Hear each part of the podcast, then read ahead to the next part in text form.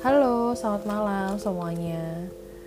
Hmm, terima kasih sudah mau mendengarkan podcast ini dan ini adalah episode pertama dari musik dan hidup. Dan di episode ini aku mau menceritakan tentang bagaimana sih aku bisa mengenal musik pertama kalinya dan bagaimana akhirnya musik ini memberikan satu pengaruh dalam hidupku gitu. Dan di episode ini akan dimulai pada era di tahun 2000 sampai tahun 2004. Dan mari kita mulai. Jadi aku mau mulai cerita ini dari apa sih sebenarnya yang sedang terjadi di tahun 2000 sampai 2004 di kota aku tinggal ya. Jadi uh, pada saat itu lagi ngetrennya film apa ada apa dengan cinta. Tapi pada waktu aku kamu, tapi pada waktu aku nggak nonton sih. Jadi cuman lihat di majalah. Wah ini ada sih ini di Kolasa Putra, di Kolasa Putra gitu kan. Tapi sepertinya yang nonton tuh kakak kelasku. Di angkatan kelasku nggak begitu ini ya cuma jadi sekedar obrolan tapi nggak nonton gitu kan. Dan aku baru nonton tuh sekitar usia mungkin 14 tahun atau usia 15 tahun gitu. Aku baru tahu itu film dan aku menonton atau kalau nggak salah karena udah disetel di TV kemudian eh, di tahun itu ramai juga dengan film anak-anak yaitu Sherina petualangan Sherina. Dan uh, apa namanya ini benar-benar yang aku niatin ya nonton bioskop gitu.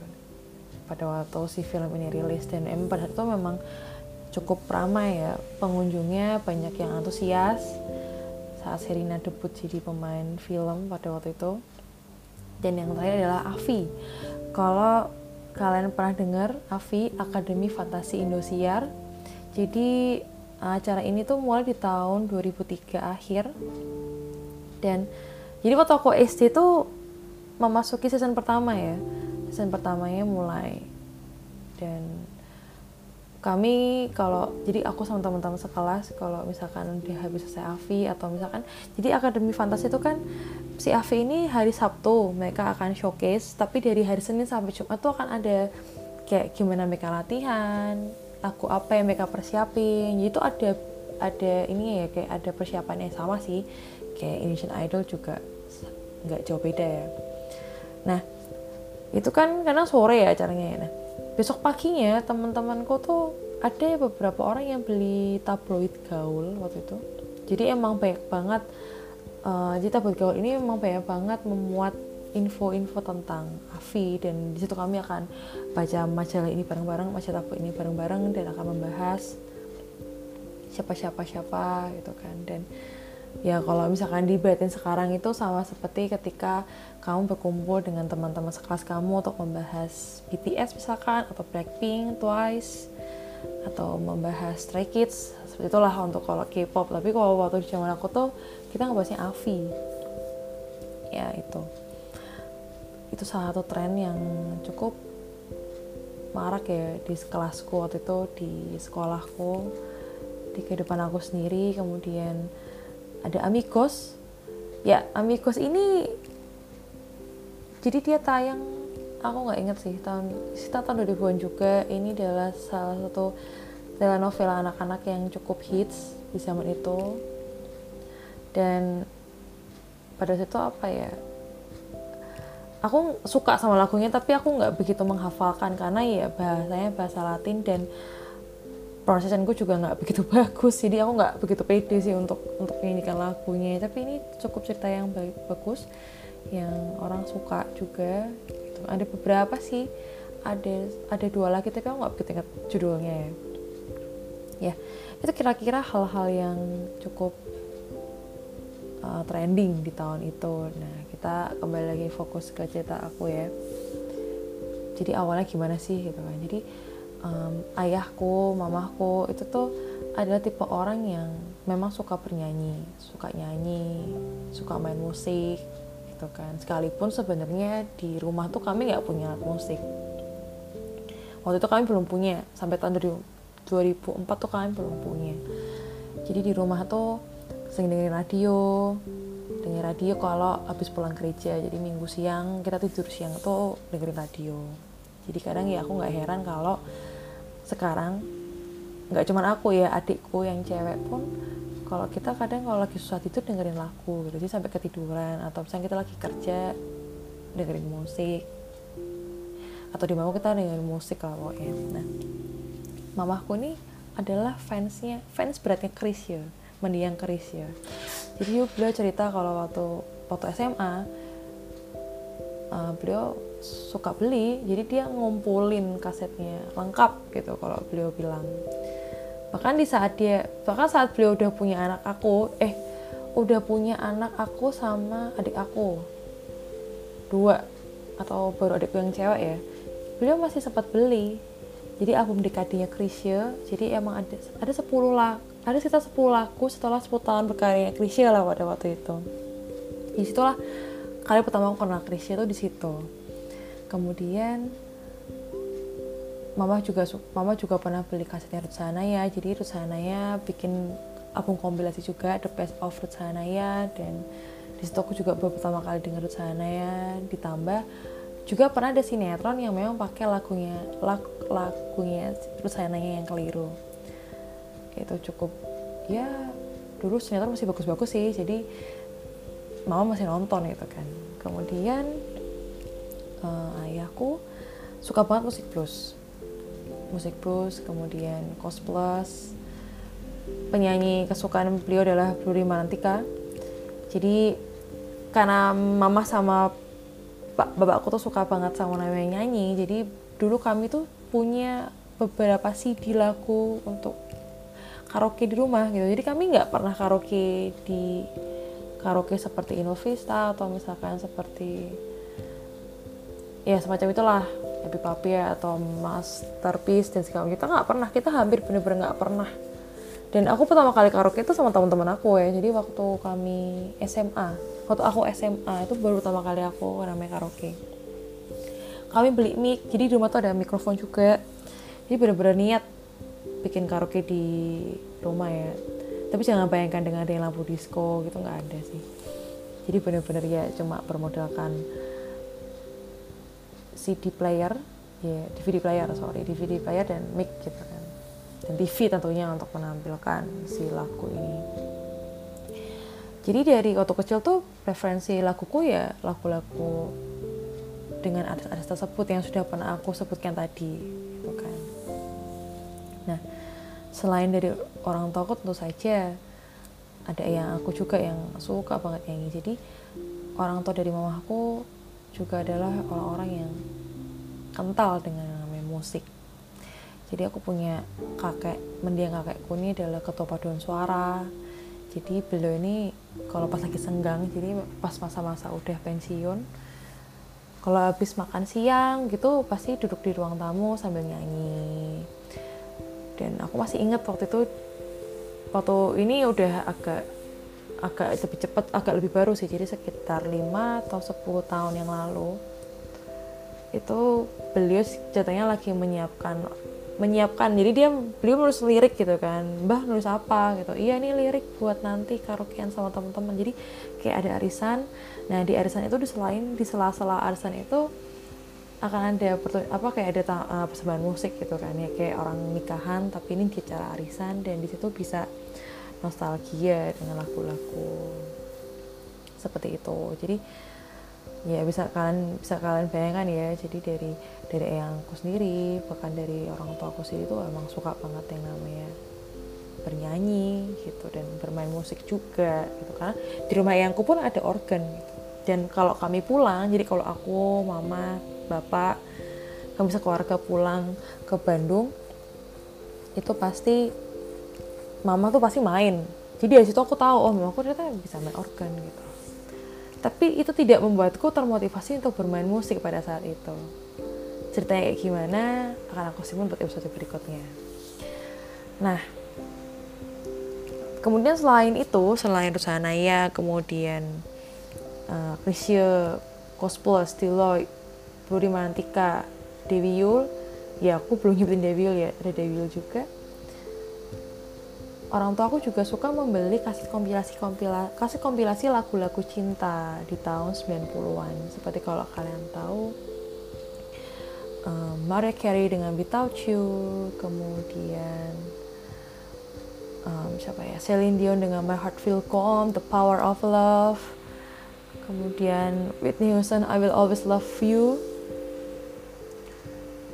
Kemudian siapa lagi ya? Aku lupa nama penyanyinya Savage Garden yaitu yang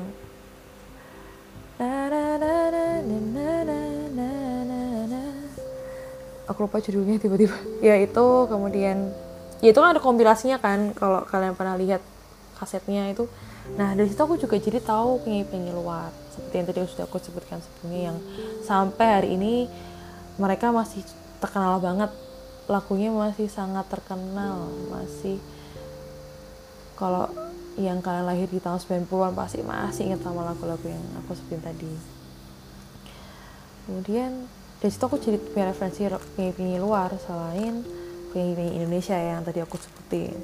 Nah lalu ditambah waktu SD itu juga ada drama-drama Asia. Kalau teman-teman tahu Meteor Garden? Nah ini salah satu. Ini EFSE EFSE ini mungkin referensi pribadiku sendiri ya. Itu yang menjadi awal mula aku suka sama musik-musik Asia.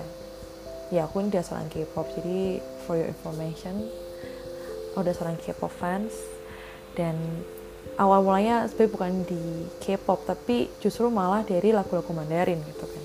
Itu ini intermezzo aja ya.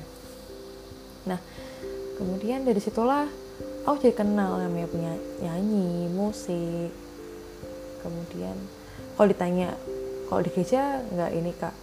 Ya ada juga tapi nggak begitu apa ya nggak begitu yang ngena di hati dan sampai bikin aku tuh pingin bernyanyi aku pingin nyanyi gitu kan. Nah kemudian nah ini ada lanjutannya dengan um, tren di tahun 2000 sampai 2004 gitu film perkembangan Sherina. Jadi waktu itu posisinya aku lagi liburan di Bandung lagi liburan. Orang tahu nggak di orang tahu nggak ikut? Jadi emang aku sendiri yang ke Bandung sendiri dan pada waktu itu film saya main aku pengen nonton tapi yang bisa diajakin cuma tante omku ya sudah aku maksa posisinya tuh maksa. Ayo tante ayo om nonton ini nonton Serina aku pengen nonton ya. Jadi akhirnya mereka mereka pulang kerja langsung berangkat ya. Jadi mereka mas pada waktu itu mereka mereka tapi belum belum ada anak gitu kan. Jadi ya sudah anggaplah aku anaknya dan mereka membawa aku pergi gitu kan. Jadi waktu itu ingat banget nontonnya di PIP di PIP nonton dan waktu itu emang rame antusiasnya sangat gede banget gitu kan. Kongres buat Sherina sih waktu itu. Dan nah Sherina ini kan filmnya semi musikal ya. Jadi in every scene di every scene yang emang pointed tuh pasti ada lagunya gitu kan. Dia pulang sekolah nyanyi. Dia mau pindah ke Bandung nyanyi gitu kan dari Jakarta ke Bandung. Kemudian dia ketemu Sadam pertama kali tuh nyanyi dia pas tahu Sadam ternyata anak mami nyanyi. Sampai endingnya nyanyi kan gitu. Dari situ entah kenapa aku nggak tahu orang tua aku nih beliin aku. Jadi orang tua aku beliin aku kaset soundtracknya gitu kan. Dan di situ aku jadi kenal Sherina dengan suaranya dengan oh ternyata anak ini suaranya bagus gitu kan. Oh ternyata suaranya bagus ya gitu. Dan yang membuat aku sangat suka jadi kalau kalian perhatikan dari Sherina, Whitney Houston, Mariah Carey, kemudian Celine Dion itu adalah mereka bisa sampai ke ke nada yang tinggi gitu. Mungkin Sherina mungkin Sherina nggak sempurna penyanyi diva yang aku sebutin itu ya tapi mereka bisa sampai ke nada-nada tinggi gitu ya. Itu yang buat aku di dalam hatiku pada saat itu adalah aku juga mau punya punya suara yang bisa sampai ke nada-nada tinggi gitu. Itu waktu itu aku waktu kecil aku kayak gitu pikirannya. Jadi itulah awal kenapa aku pingin bisa bernyanyi. Aku pingin bisa nyanyi.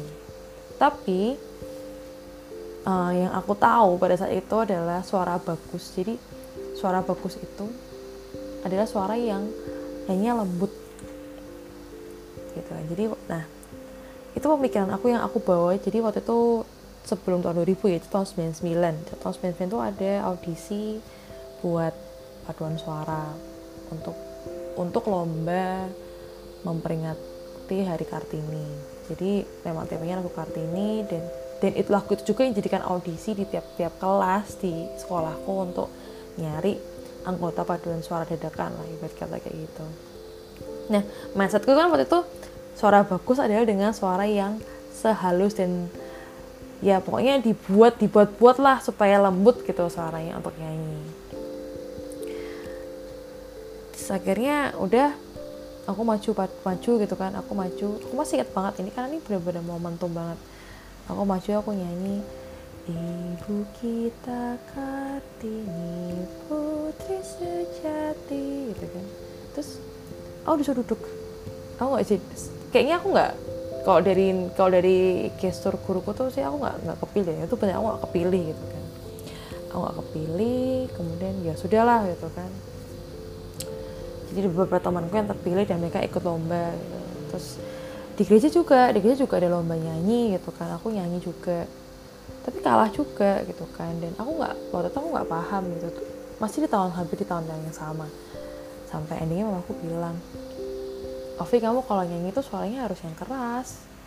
Jangan sekecil itu orang nggak akan dengar kamu nyanyi apa nggak akan dengar nggak akan dengar orang nggak bisa nikmatin itu. Karena suaramu nggak kedengaran. Dari situ aku belajar hal baru lagi. Oh kalau nyanyi itu harus ada powernya harus ada suaranya harus terdengar gitu. Karena kalau waktu itu juga aku nyanyi nggak ada mic ya lomba itu. Ya udah pakai suara suara ya suara aja gitu. Nggak ada bantuan pengarah suara gitu ibarat kata seperti itu.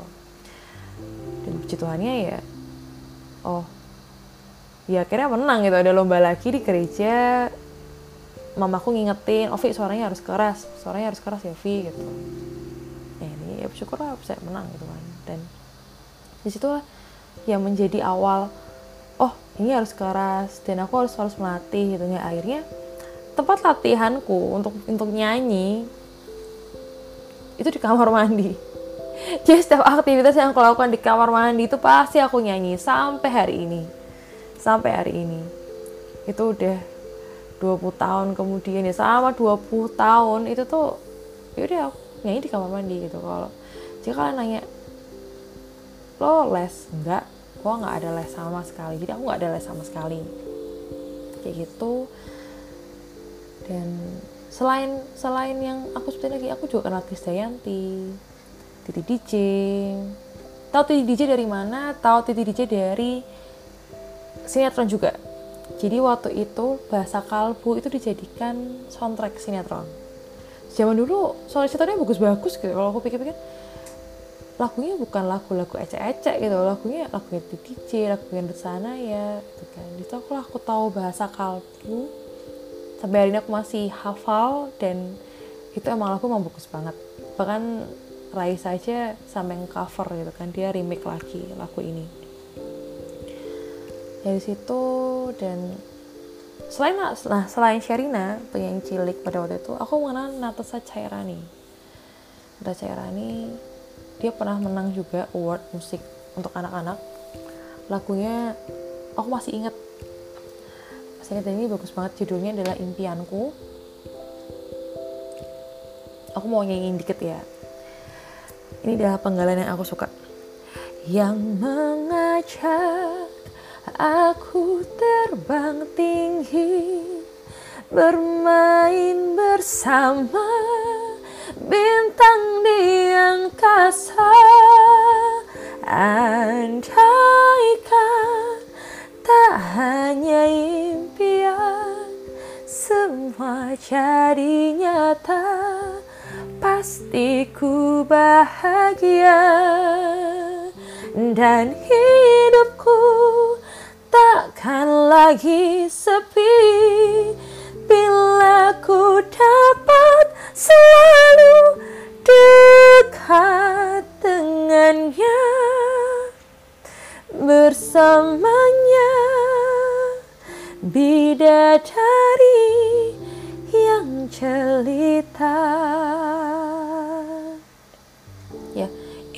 juga mamah sama bapakku juga beliin kaset ini.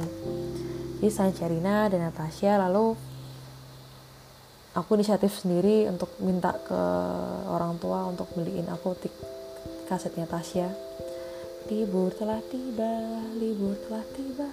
Hore hore hore hore. Ya itu. Jadi ada tiga penyanyi cilik ya.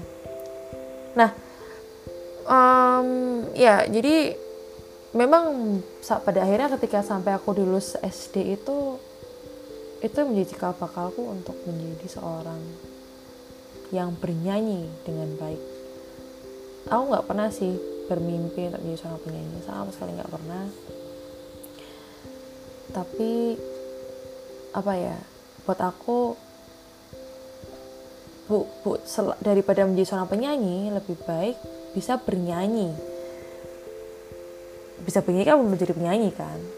Bisa bernyanyi bisa, bisa mencapai nada yang tinggi. Kemudian bisa dengan power yang kuat dan juga bisa mengatur apa ya kalau dulu tuh istilah pitch control.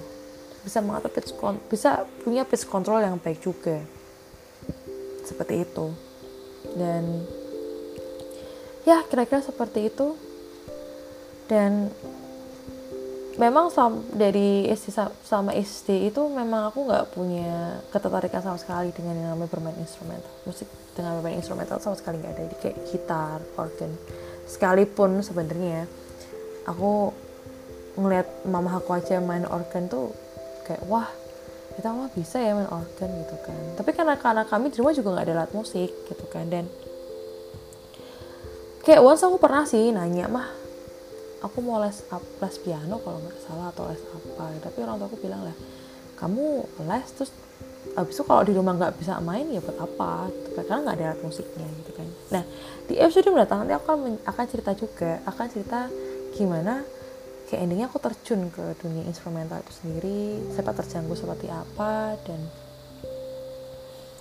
ini juga menarik sih sebenarnya karena dari situ ketika aku mulai mengulik lagi cerita-cerita ini tuh aku jadi mengingat aku tuh seperti apa sih di masa lalu di waktu aku SD waktu aku kecil.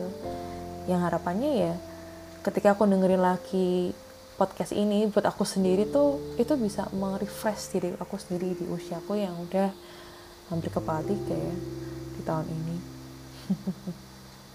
Gitu. Nah untuk ending podcast ini adalah aku baru ingat kalau oke okay lah di tahun 99 di kelas aku kelas 2 SD tuh aku nggak kepilih ya jadi anggota Padunusa tapi endingnya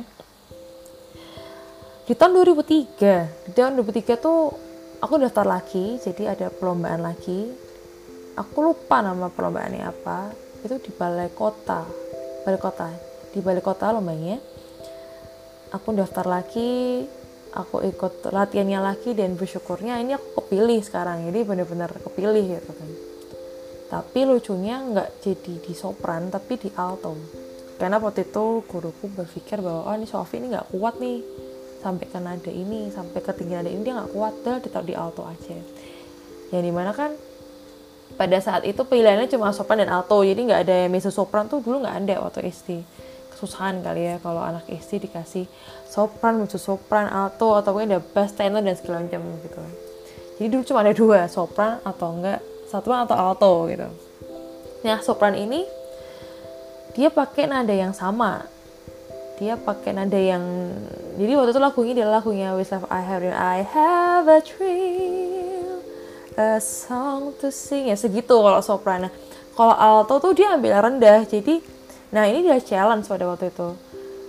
Oke okay lah aku bisa nyanyi nggak fals gitu kan tapi challenge keduanya adalah challenge yang akhirnya challenge berikutnya adalah gimana aku bernyanyi untuk nada yang tidak sama gitu kan? Ini cukup ini cukup menantang pada saat itu karena pertama aku bukan orang yang dididik dalam bentuk didikan les kan les vokal. Dan aku bukan orang yang terbiasa belajar not balok atau baca not. Jadi um, telinganya dan sensenya tuh nggak tajam. Bahkan sampai hari ini pun aku masih suka fals kalau misalkan hanya baca not aja. Nggak nggak apa ya masih belum bisa sensenya gitu loh. Seperti itu sih dan dan bersyukurnya pada tuh kami menang. Either harapan satu atau juara tiga atau juara dua. Kurang kurang ingat juga sih aku nggak begitu ingat sih. Itulah pada pada waktu itu seperti itu. Waktu aku SD dan um, dan bersyukurnya pada saat itu ketika aku ingin mengembangkan kemampuan nyanyiku pun aku punya circle yang sangat support ya. Yang nggak support support yang dalam artian ya anak SD apa sih gitu kan. Tapi apa ya temen yang hari ini dia jadi guru vokal di sebuah kota. Dia masih menghidupi musik itu. Gue aku bangga sih pas tahu. Di kami sempat keep interest lagi di Instagram. Jadi kami saling follow followan dan aku tahu dia jadi guru vokal gitu kan lalu di situ dia pernah bilang, Ovi suara kamu udah mulai oke okay nih, udah bisa vibrasi. Itu tuh SD tahun 2003, 2004. Kita ngobrolin itu setelah ujian praktek. Jadi mau ujian prakteknya ada seni seni suara ya. Seni suara, dulu kami nggak ada seni musik, hanya ada seni rupa, seni suara. Dan di situ kami harus ujiannya menyanyikan lagu kebangsaan dan lagu daerah kalau nggak salah. Dan ya di situ teman-teman teman aku tahu lalu dia bilang dan di situ aku jadi kayak lebih pede gitu. Oh, oke. Okay. berarti aku, aku punya kesempatan untuk mengembangkannya jadi lebih baik. Aku punya kesempatan untuk mem mempolesnya lagi. Seperti itu. Dan ya kira-kira itu aja sih. Dan ini udah menunjukkan setengah satu pagi untuk aku cerita bagian ini dan aku excited ya menceritakannya. Lalu kita akan ketemu lagi minggu depan dengan episode yang baru masih dengan cerita tentang musik dan juga tentang kehidupan. Nah um, sebelum menutup lagi kalau aku mau menarik kesimpulan dari ini semua adalah ketika kamu melakukan sesuatu ketika kamu melakukan sesuatu sesuatu hal yang memang itu itu bisa dikembangkan. Dan ada orang-orang yang apa encourage kamu untuk mengembangkan itu kejar itu. Jangan dilepas. Karena bisa jadi ketika kamu mengerjakan itu dengan sungguh-sungguh setiap hari kamu latih kemampuan ini yang semula hanyalah kemampuan yang kecil bisa menjadi sebuah kekuatan untuk kamu pegang. Good night